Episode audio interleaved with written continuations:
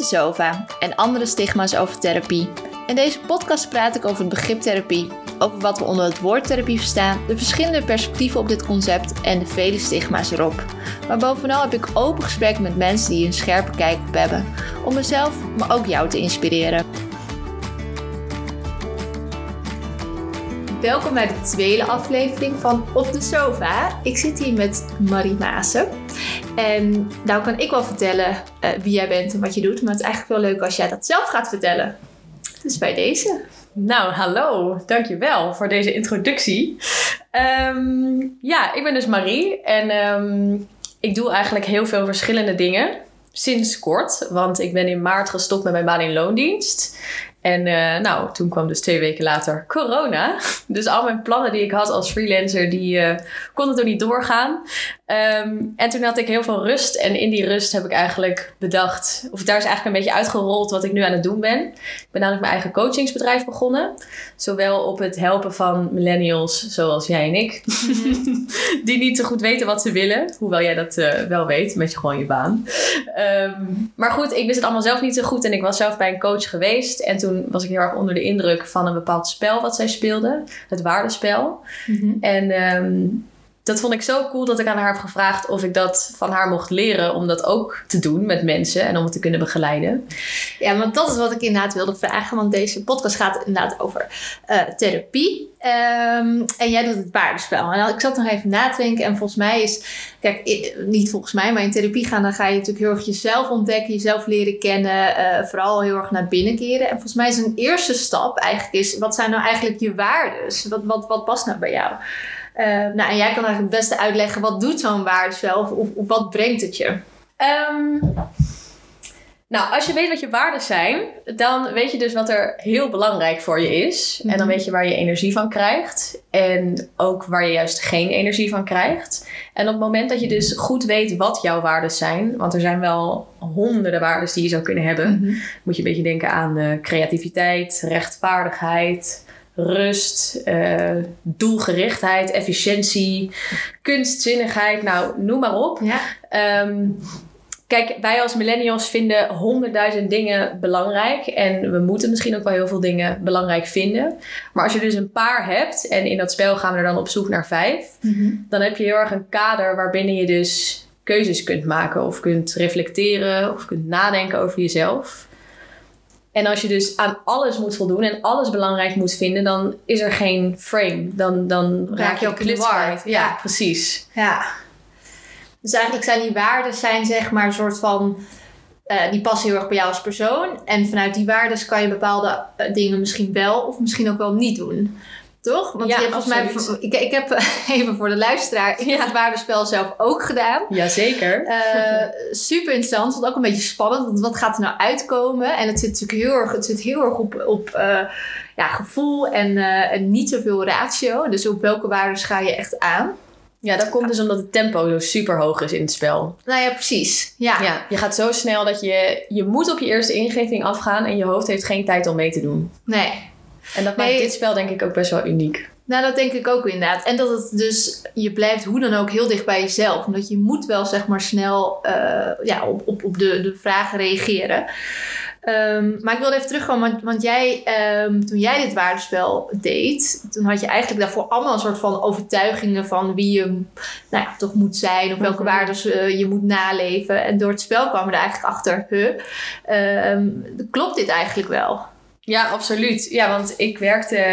Um, nou, ik had een baan op een uh, kantoor. Ik gaf trainingen in overtuigingskracht. En uh, dat deed ik heel veel bij bedrijven. Mm-hmm. En um, ja, het was best wel een zakelijke wereld. En als ik mezelf een beetje ken, ja, ik ben niet per se de allerzakelijkste persoon op de wereld. Mm-hmm. En ik hou heel erg van gezelligheid en warmte en enthousiasme.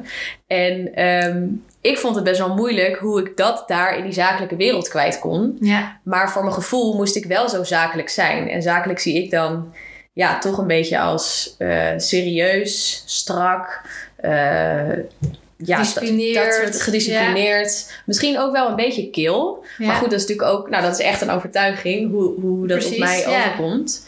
En toen ik dat waardespel speelde, toen kwamen er juist heel erg waardes uit als plezier, enthousiasme, energiek, eigenheid en nieuwsgierigheid. Dat zijn ze dan alle vijf. Ja.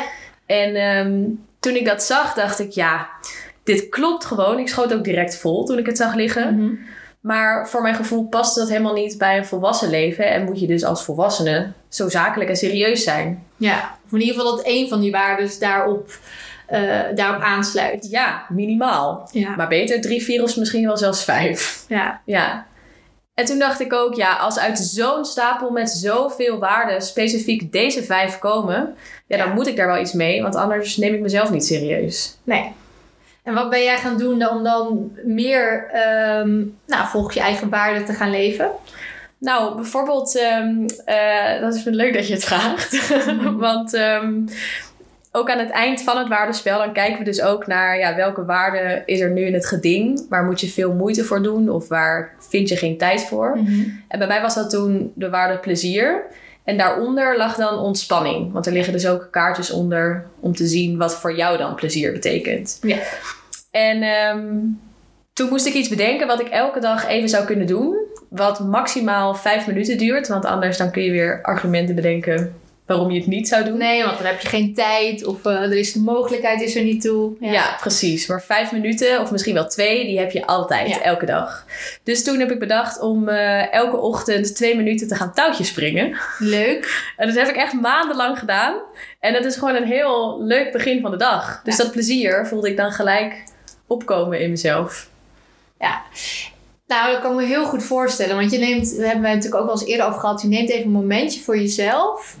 Waarbij je eigenlijk al sowieso de dag al super, super goed start. Ik weet Ja. dat wij, dat, dat bij mij, ik weet even niet meer waar dat vanuit kwam. Maar dat ik ook wel eh merkte dat ik, dat ik wat meer tijd voor mezelf wilde. eh nou, eigenlijk dat kwam het eh, naar voren toen we dat gesprek over de waarden hadden gehad.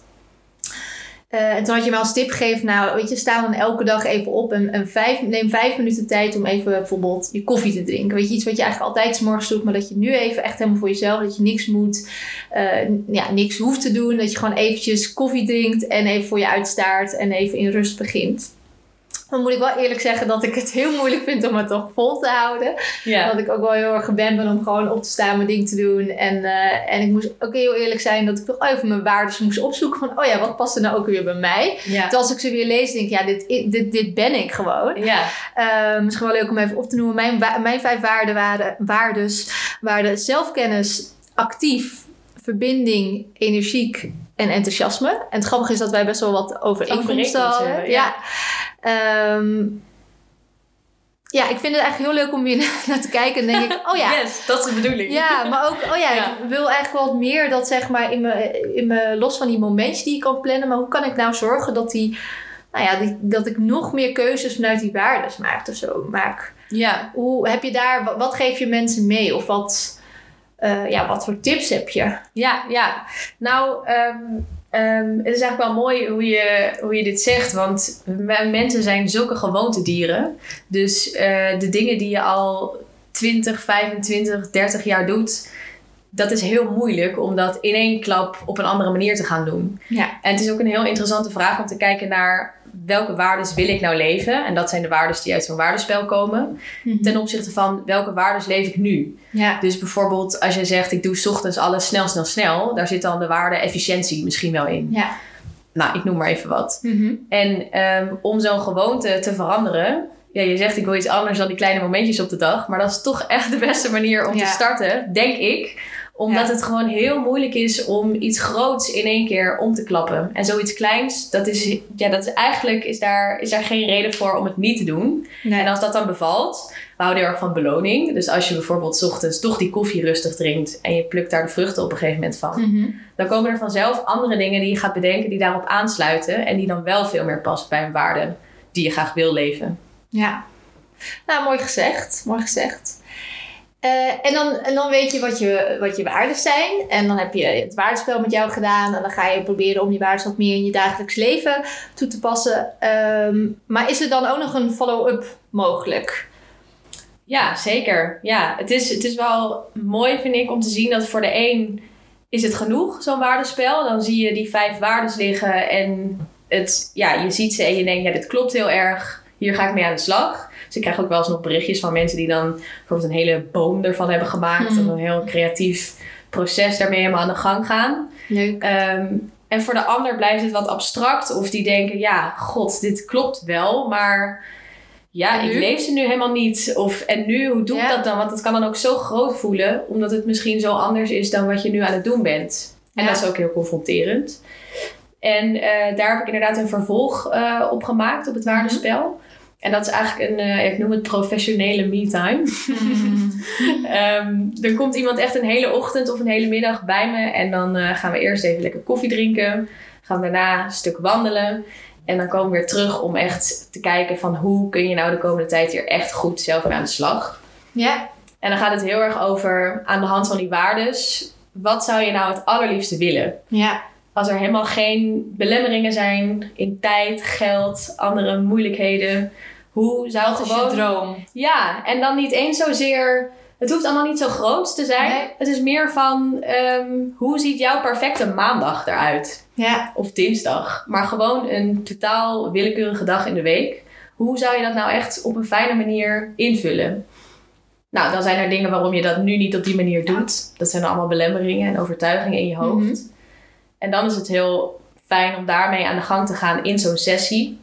Los Ja. van ook alleen maar praten, ook veel ervaren en voelen door middel van visualisaties. Mhm. Want dat is, denk ik, überhaupt over therapie gesproken wel echt key. Dat je op een gegeven moment van het gepraat ook overgaat in echt iets op een andere manier kunnen ervaren. En daar kan een coach of een therapeut je heel erg bij helpen. Ja.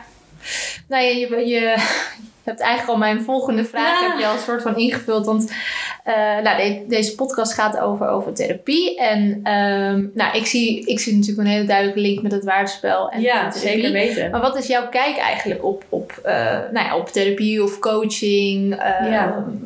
Wil je daar iets over vertellen? Zeker, ja. Ja, ik vind het echt super belangrijk dat het er is. Mhm. Ik denk, ehm, we zijn allemaal heel erg gefocust op eh, ons goed willen voelen. En we lezen allemaal zelf veel boeken. En we gaan naar de sportschool. En daar zijn we allemaal heel erg mee bezig. Ja. Ehm, maar het is eigenlijk gek dat zoiets... Nou, neem bijvoorbeeld een sportschool. Er zijn genoeg mensen die zo drie keer in de week sporten. Ja. Maar drie keer in de week een moment voor jezelf nemen. En echt even je goed afvragen van... Hoe gaat het nou met me? Mhm. Of dat nou goed is... Of, of het nou goed met je gaat of dat het nou slecht met je gaat. Maar gewoon even stilstaan bij jezelf.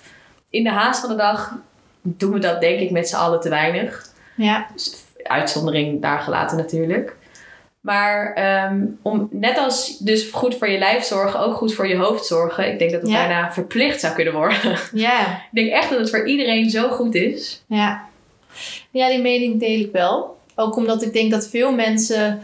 We zijn natuurlijk zo druk. Eh, en dat is omdat we veel, veel dingen kunnen doen. Dat er veel mogelijkheden zijn. Dat we veel kunnen plannen. En, maar ook omdat we eigenlijk een beetje weglopen van, van wat er misschien wel van binnen speelt. En hoe, Zeker. hoe druk je bent en hoe meer je ja, te doen hebt. Hoe meer je eigenlijk ontwijkend gedrag vertoont. Ja, Ehm, en wat ik denk, wat een andere component erbij is, is los van ga, ga eens eventjes, hey, wat, wat speelt er nou in je hoofd af? Ik denk dat we ook heel veel moeite hebben met wat voelen we nou eigenlijk echt? Weet je, wat gebeurt er nou eigenlijk in ons lichaam? Wat voor signalen geeft, geeft ons lichaam? En ehm, als ik nog even jou als voorbeeld mag nemen, is volgens mij had jij heel duidelijk al, al bij je vorige, bij je, ja, zeg maar je, je vaste baan, dat je op een gegeven moment al, dit, dit kost me zoveel energie en het, het, het maakt me, nou, los, los van wat, wat het rationeel met je deed, had je er ook niet het juiste gevoel bij altijd. klopt. Ja. Ehm, en ik vind het heel knap dat je ook op een gegeven moment hebt gezegd, ik stop ermee. En het was natuurlijk een beetje balen dat corona kwam en dat, dat je plan een beetje omver werd geschopt.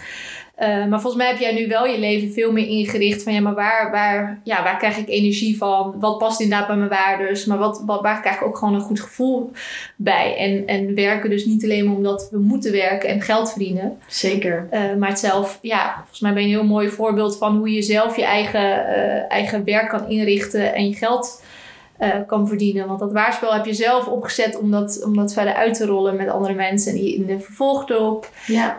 Um, Maar volgens mij ben je ook weer met een heel ander leuk eh, deel bezig. Wat, wat, jou in, wat ons allebei heel erg interesseert. En dat is eh, ja, voeding en sporten. Ja, klopt. Ja, ik ben uh, na ja, mijn coachingbedrijf bestaat eigenlijk uit twee takken. Dus Ja. enerzijds het waardespel en het vervolg daarop. En anderzijds eh, voeding en leefstijlcoaching.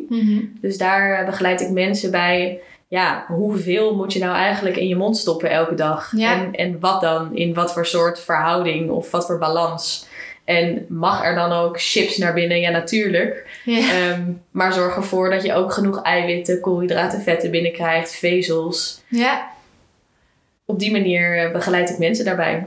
En waar komt die, die, die interesse dan vandaan? Wa- wa- waarom vind je dat zo interessant om daar mensen in, in, te helpen? Ja, nou ik ben zelf altijd al heel veel bezig geweest met, met voeding. Ehm, nou ja, een moeder die altijd bezig was met eh, kilo's op de weegschaal, dat soort dingen.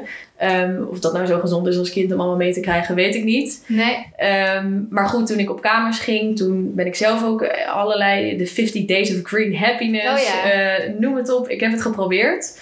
Ehm, maar een jaar of twee, of inmiddels misschien wel drie geleden, Mhm. toen ben ik naar een orthomoleculair diëtist geweest, Mhm. zoals dat met een mooi woord heet. Omdat ik al mijn hele leven heel erg last heb van eczeem. Ja. En ehm, toen heb ik bij haar op een heel andere manier leren eten, waardoor mijn eczeem nu gewoon bijna helemaal weg is. En toen dacht ik, wow, voeding doet zoveel met Ja. een lijf, en, maar ook met je hoofd. Mhm. Als je, je als je je gezond voelt en snapt ook wat je aan het doen bent. Ja. Eigenlijk net als bij het waardespel, daar, dat, dat speel je om een beetje de regie over je leven te kunnen hebben. Dat je weet op basis waarvan je keuzes maakt. En als je snapt waarom je iets in je mond stopt of wat het met je doet, Ja. dan voelt het ook weer alsof je daar de touwtjes een beetje in Ja. handen hebt. Eigen regie hebt. Ja, Ja. dus je, kunt, je, je kan keuzes maken en je snapt op basis waarvan je die keuzes kunt maken. En dat geeft gewoon heel veel zelfvertrouwen. Ja. En hopelijk een gezonde leefstijl. Ja, Dat is natuurlijk het belangrijkste. ja nou ja, en Ja. ik denk dat een gezonde levensstijl waar je achter staat en Ja. wat niet te veel, of eigenlijk wat geen moeite kost, ehm, ja, dat dat je sowieso gewoon heel goed laat voelen. Ja. En natuurlijk, als je niet zo'n gezonde levensstijl hebt en daar voel je je helemaal goed bij, dan is dat natuurlijk ook oké. want dat is uiteindelijk gewoon aan ieder zelf. Dat is ook zo. Ja, Dat is ook zo. ja. Ja. Hey, en- nog even terugkomend op, op therapie. Want ehm, je geeft zelf ook coaching sessies. Ja. Ehm, en je doet het waardespel. Ehm, maar je volgt ook zelf, eh, eh, of je, je hebt- loopt ook zelf bij een, een psycholoog om, Ja. om hulp te vragen. Hoe, hoe voelt dat om, eh, nou ja, om zeg maar iemand anders te helpen, maar eigenlijk zelf ook hulp te vragen? Ja, nou, dat vond ik aan het begin nog best een ding. Daar zal ik heel eerlijk over zijn. Ja, Ik dacht, hoe kan dat nou? Ik coach mensen en, Mhm. of nou niet hoe kan dat nou, maar meer ben ik dan wel geloofwaardig? Als ik zelf mensen coach, maar mezelf, nou ja, naar mijn inzien dan misschien niet genoeg kan coachen. Mhm. En dat vond ik eerst wel echt moeilijk. En op een gegeven moment dacht ik, nee, het is toch ook logisch. Kijk, je kan de vragen die je aan jezelf stelt, dat zijn altijd andere vragen dan die iemand anders aan je stelt. ja, Je hebt je eigen blinde vlekken ja, die je gewoon niet ziet. Daar heb je een extern persoon voor nodig. ja, En ik denk de dingen, kijk, inmiddels heb ik mezelf toch ook wel op veel vlakken geholpen, denk Mhm. ik. Maar daar is ook heel veel tijd overheen gegaan, omdat ik me zo in alles heb zitten verdiepen. ja, En ik vind het gewoon fantastisch om als coach dat soort kleine, van die kleine momentjes die voor mij heel waardevol zijn Mhm. geweest, om die weer door te geven aan iemand anders. En ja, Ja. natuurlijk zal ik mijn hele leven ook mezelf blijven ontwikkelen. Ja. En als ik daar een coach of een therapeut voor nodig heb, graag zelfs. Ja. Nou, ik vind het wel mooi wat je zegt. Want het is natuurlijk heel logisch eigenlijk dat je moet jezelf ook blijven ontwikkelen. En je loopt natuurlijk tegen hele andere dingen aan dan dat, dan dat mensen die bij jou komen waar zij tegenaan lopen. Dus dat, ehm, ja, ik denk alleen maar hoe meer jij jezelf ontwikkelt met hulp, met externe hulp, hoe meer jij dus ook andere mensen kan, kan helpen. Maar ik, snap ook de tegenstrijdigheid. Ja. Het voelt, voelt bijna zo van. ehm, ja, alsof, ja, alsof je zeg maar helemaal goed moet zijn of helemaal compleet of helemaal het allemaal op orde moet hebben. Dat je dan pas andere mensen mag, mensen mag coachen. Maar dat is natuurlijk, dat is natuurlijk ook een beetje een, een stigma, want, want dat, Ja. dat slaat ook eigenlijk nergens op. Want dat iedereen bestaat, bestaat ja. ook niet. Er is niemand die 100% op orde is of zo. Nee. Of die het 100% denkt, nou. Nee, dat is is ook goed. zo. Ja. Dat is ook zo. En ik denk ook door, ik ben er ook naar mijn coaches open over. Dat, want het, het, het zorgt ook voor heel veel herkenbaarheid.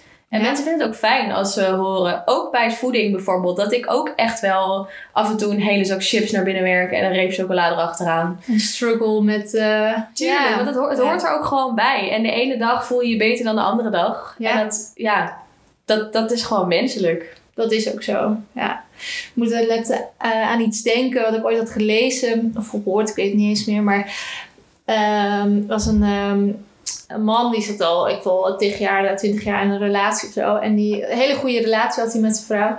Maar ze zaten allebei, eh, of tenminste, allebei gingen ze één keer per jaar gingen ze gewoon naar relatietherapie. Niet omdat het slecht ging, maar eigenlijk om een soort van ja, preventief gewoon kijken, hé, hey, wat gaat goed of wat zou beter kunnen. En toen dacht ik, ja, het is wel.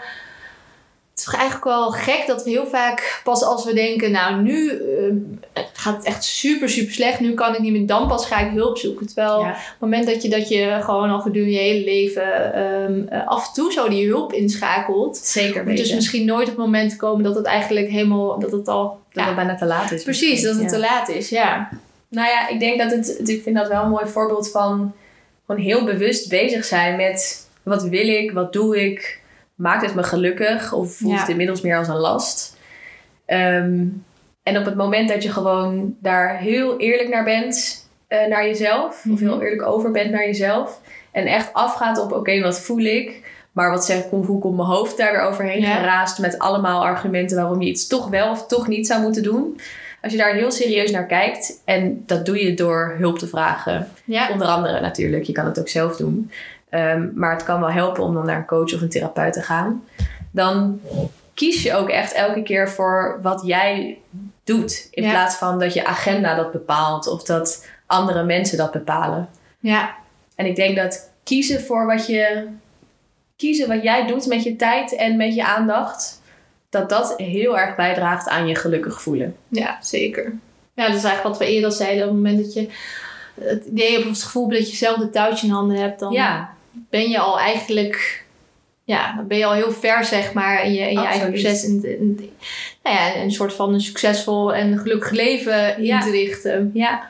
Ja, Maar ik zie bijvoorbeeld ook vaak mensen die dan het waardespel komen spelen, die zijn dan of begonnen met een eerste baan of gestopt met een eerste baan, maar het bevalt dan toch, ja, is niet goed bevallen of het bevalt nu niet zo goed. Maar ja, wat dan? ja, En die gaan dan in hun vrije tijd daar dan nog heel erg over denken van, oh jee, mijn baan niet meer, wat moet ik nou, wat moet ik nou? Mhm. En dan is dus, worden dus in hun baan hun waardes niet bevredigd. nee, Maar ook in hun vrije tijd niet meer, omdat hun vrije tijd ook opgeslokt wordt door het zorgen maken over die baan. ja, En dan zijn er dus geen waardes meer. ehm, ja, die je. Geen, geen, waar, geen van je waardes wordt dan meer geleefd. ja, En dat trekt dus alle energie uit je. ja, En dan heb je dus nergens eigenlijk de regie over. nee, Dus mijn eerste tip is dan ook altijd: ga in ieder geval in je vrije tijd iets doen waar, wat je echt leuk vindt. waar je gelukkig van wordt. Ja. Ja, En dat is bijvoorbeeld ook een hobby zoeken. Want Ja. bijna niemand tegenwoordig heeft meer echt een hobby. ja.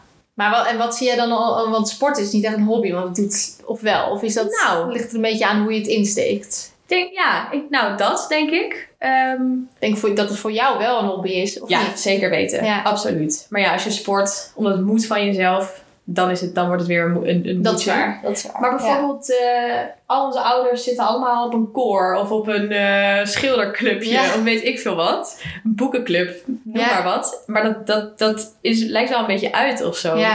Ik zat vroeger op toneel, op dansen, op turnen. Mijn zus zat op paardrijden. ja.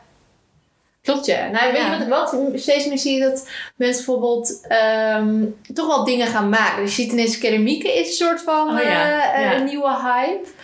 Ehm, maar ook wat ik bijvoorbeeld deed in de coronatijd was die armbandjes maken. Ja, Ja. superleuk. Eh, en nu denk ik echt, oh god, daar heb ik geen tijd voor. Dat is natuurlijk ook tijd maken. Ja, nou dat is weer zo'n ding waarvan je zou kunnen zeggen... Ik ga el- Hoe lang ben je met één armbandje bezig? Ja, geen idee. Mm, 20 minuutjes of 20 zo? minuten. Ja, nou, ik ga elke dag eh, één armbandje rijgen. Ja, Of een halve. En ja, dan maak je hem de dag erna af. ja. 10 minuten per dag. En Nee, het ding is- is, je moet dat inplannen. Ja. Want dat zijn van die dingen, net zoals ik moet al zo lang oefeningen doen van de fysio elke dag. En ik doe ze niet, omdat ik ze nog steeds niet een moment op de dag heb gegeven. En dan lig ik s'avonds in bed en denk ik, oh, Oh ja, shit. die oefeningen. Ja. Ja. Dus Ja. je moet echt voor jezelf helemaal visualiseren. Oké, dan kom ik thuis, ik leg mijn tas in de gang, ik kom binnen, pak een kopje thee. En dan ga ik een Ja. armbandje rijgen. Of dan ga ik Ja. die oefeningen doen. ja. Dat is denk ik wel, een hele goede tip inderdaad. Het echt voor je zien en, eh, en het gewoon echt letterlijk in je agenda zetten. Of Ja. een timer af laten gaan. Of, Hoe je eh, ben Janneke-achtig dat ook voelt. Ja. Nee, maar we zijn is- echt ja. eigenwijs hoor. Ja. En we willen ook, we willen ons altijd soort comfortabel voelen. En wat we doen al zoveel Mhm. jaar lang, dat is comfortabel. En opeens toch aan tafel moeten gaan zitten en dat armbandje rijgen. Hoe leuk het je ook lijkt, het is anders dan wat je gewend bent. ja, En daar moet je eerst aan wennen. Het voelt Ja. ergens oncomfortabel of een beetje ongemakkelijk misschien dat bijna. is ook zo. Ik heb ook wel eens gehoord dat je best dan een nieuwe gewoonte kan linken aan een oude gewoonte. Bijvoorbeeld je tanden poetsen. Dat als je, dat je altijd daarvoor of daarna iets, nou ja, voor jou bijvoorbeeld je oefeningen doen. Ja, klopt. Dat je gaat je tanden poetsen en denk oh ja, wacht. Nu, Klopt. eh, ja. Een hele goede met bijvoorbeeld, ik heb best veel mensen die zeggen ik zou wel elke dag vijf minuten willen mediteren. Ja. Om dat dan te doen, s ochtends direct als je wakker wordt, Ja. voor je je telefoon pakt. Oh dus ja. je mag pas je telefoon pakken op het moment dat je, je- vijf minuten hebt gemediteerd of iets hebt opgeschreven of zoiets. Ja. Goeie hoor, ja. Ja, ik deed het voorheen best vaak in de trein. Dus ik wel een kwartier in de trein naar werk. En dan was het altijd, oké, s s'morgens altijd dan een moment om even te mediteren. Met, met een app had ik dan ook. En ik merkte wel, op een gegeven moment zat het zo in mijn systeem... dat ik ook gewoon, dat ook gewoon elke dag deed. Alleen dan niet in het weekend, want dan nam ik niet de trein.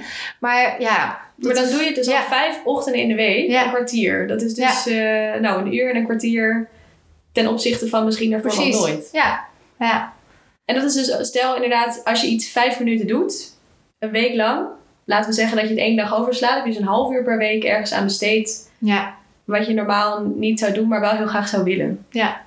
En wat je hopelijk ook wat oplevert. Ja. Nou, misschien is dat een leuke voor eh, degene die nu luistert. Ja. Om iets te bedenken waarvan je denkt, ja, dat lijkt me echt vet leuk. Daar heb ik echt zin in en ik kom er nooit aan toe. Bedenk eens voor de komende week wanneer je dat elke dag wil gaan doen. Ja. Maximaal vijf minuten. Ja. Leuk. Nou, als er, eh, als er mensen zijn die, eh, eh, die dit gedaan hebben voor zichzelf en, daar, eh, en dat met ons willen delen, mag dat natuurlijk. leuk. Ehm, hey Marie, als, als mensen denken, joe, dat, dat waardespel, wat klinkt dat tof, dat wil ik ook doen. Hoe kunnen ze jou, eh, jou vinden? Nou, het makkelijkste op dit moment is denk ik om even naar mijn Instagram pagina te gaan. En die ga ik dan maar even spellen, want ik heb nogal een moeilijke naam. maar ik zal, schrijven naam. ik zal ja. hem ook in de, in de show notes van de Oh, aflevering zetten. Ja, ja. het is Marie Maassen. En dan Marie is M-A-R-I-E. Dat is makkelijk. En Ja. dan Maassen is met A-E-S-S. Chic de friemel. Jeetje, ja. Want daar deel jij gewoon, daar, via, via Instagram kunnen ze, kan iedereen met jou in contact komen. Ja, klopt. Ja. Dan kun je me daar even een berichtje sturen. En ik deel daar ook nog van alles over het waardespel en over voeding. Dus als je het leuk vindt om eh, me te volgen, dan kan dat. En Zeker eh, doen. kunnen we daar via in contact komen. Leuk, heel leuk. Wil jij nog wat toevoegen? Nou, ja, ik eh, vond het super leuk dat ik hier in deze podcast mocht zijn. En ehm, Graag gedaan. ja, dankjewel. Heel graag gedaan.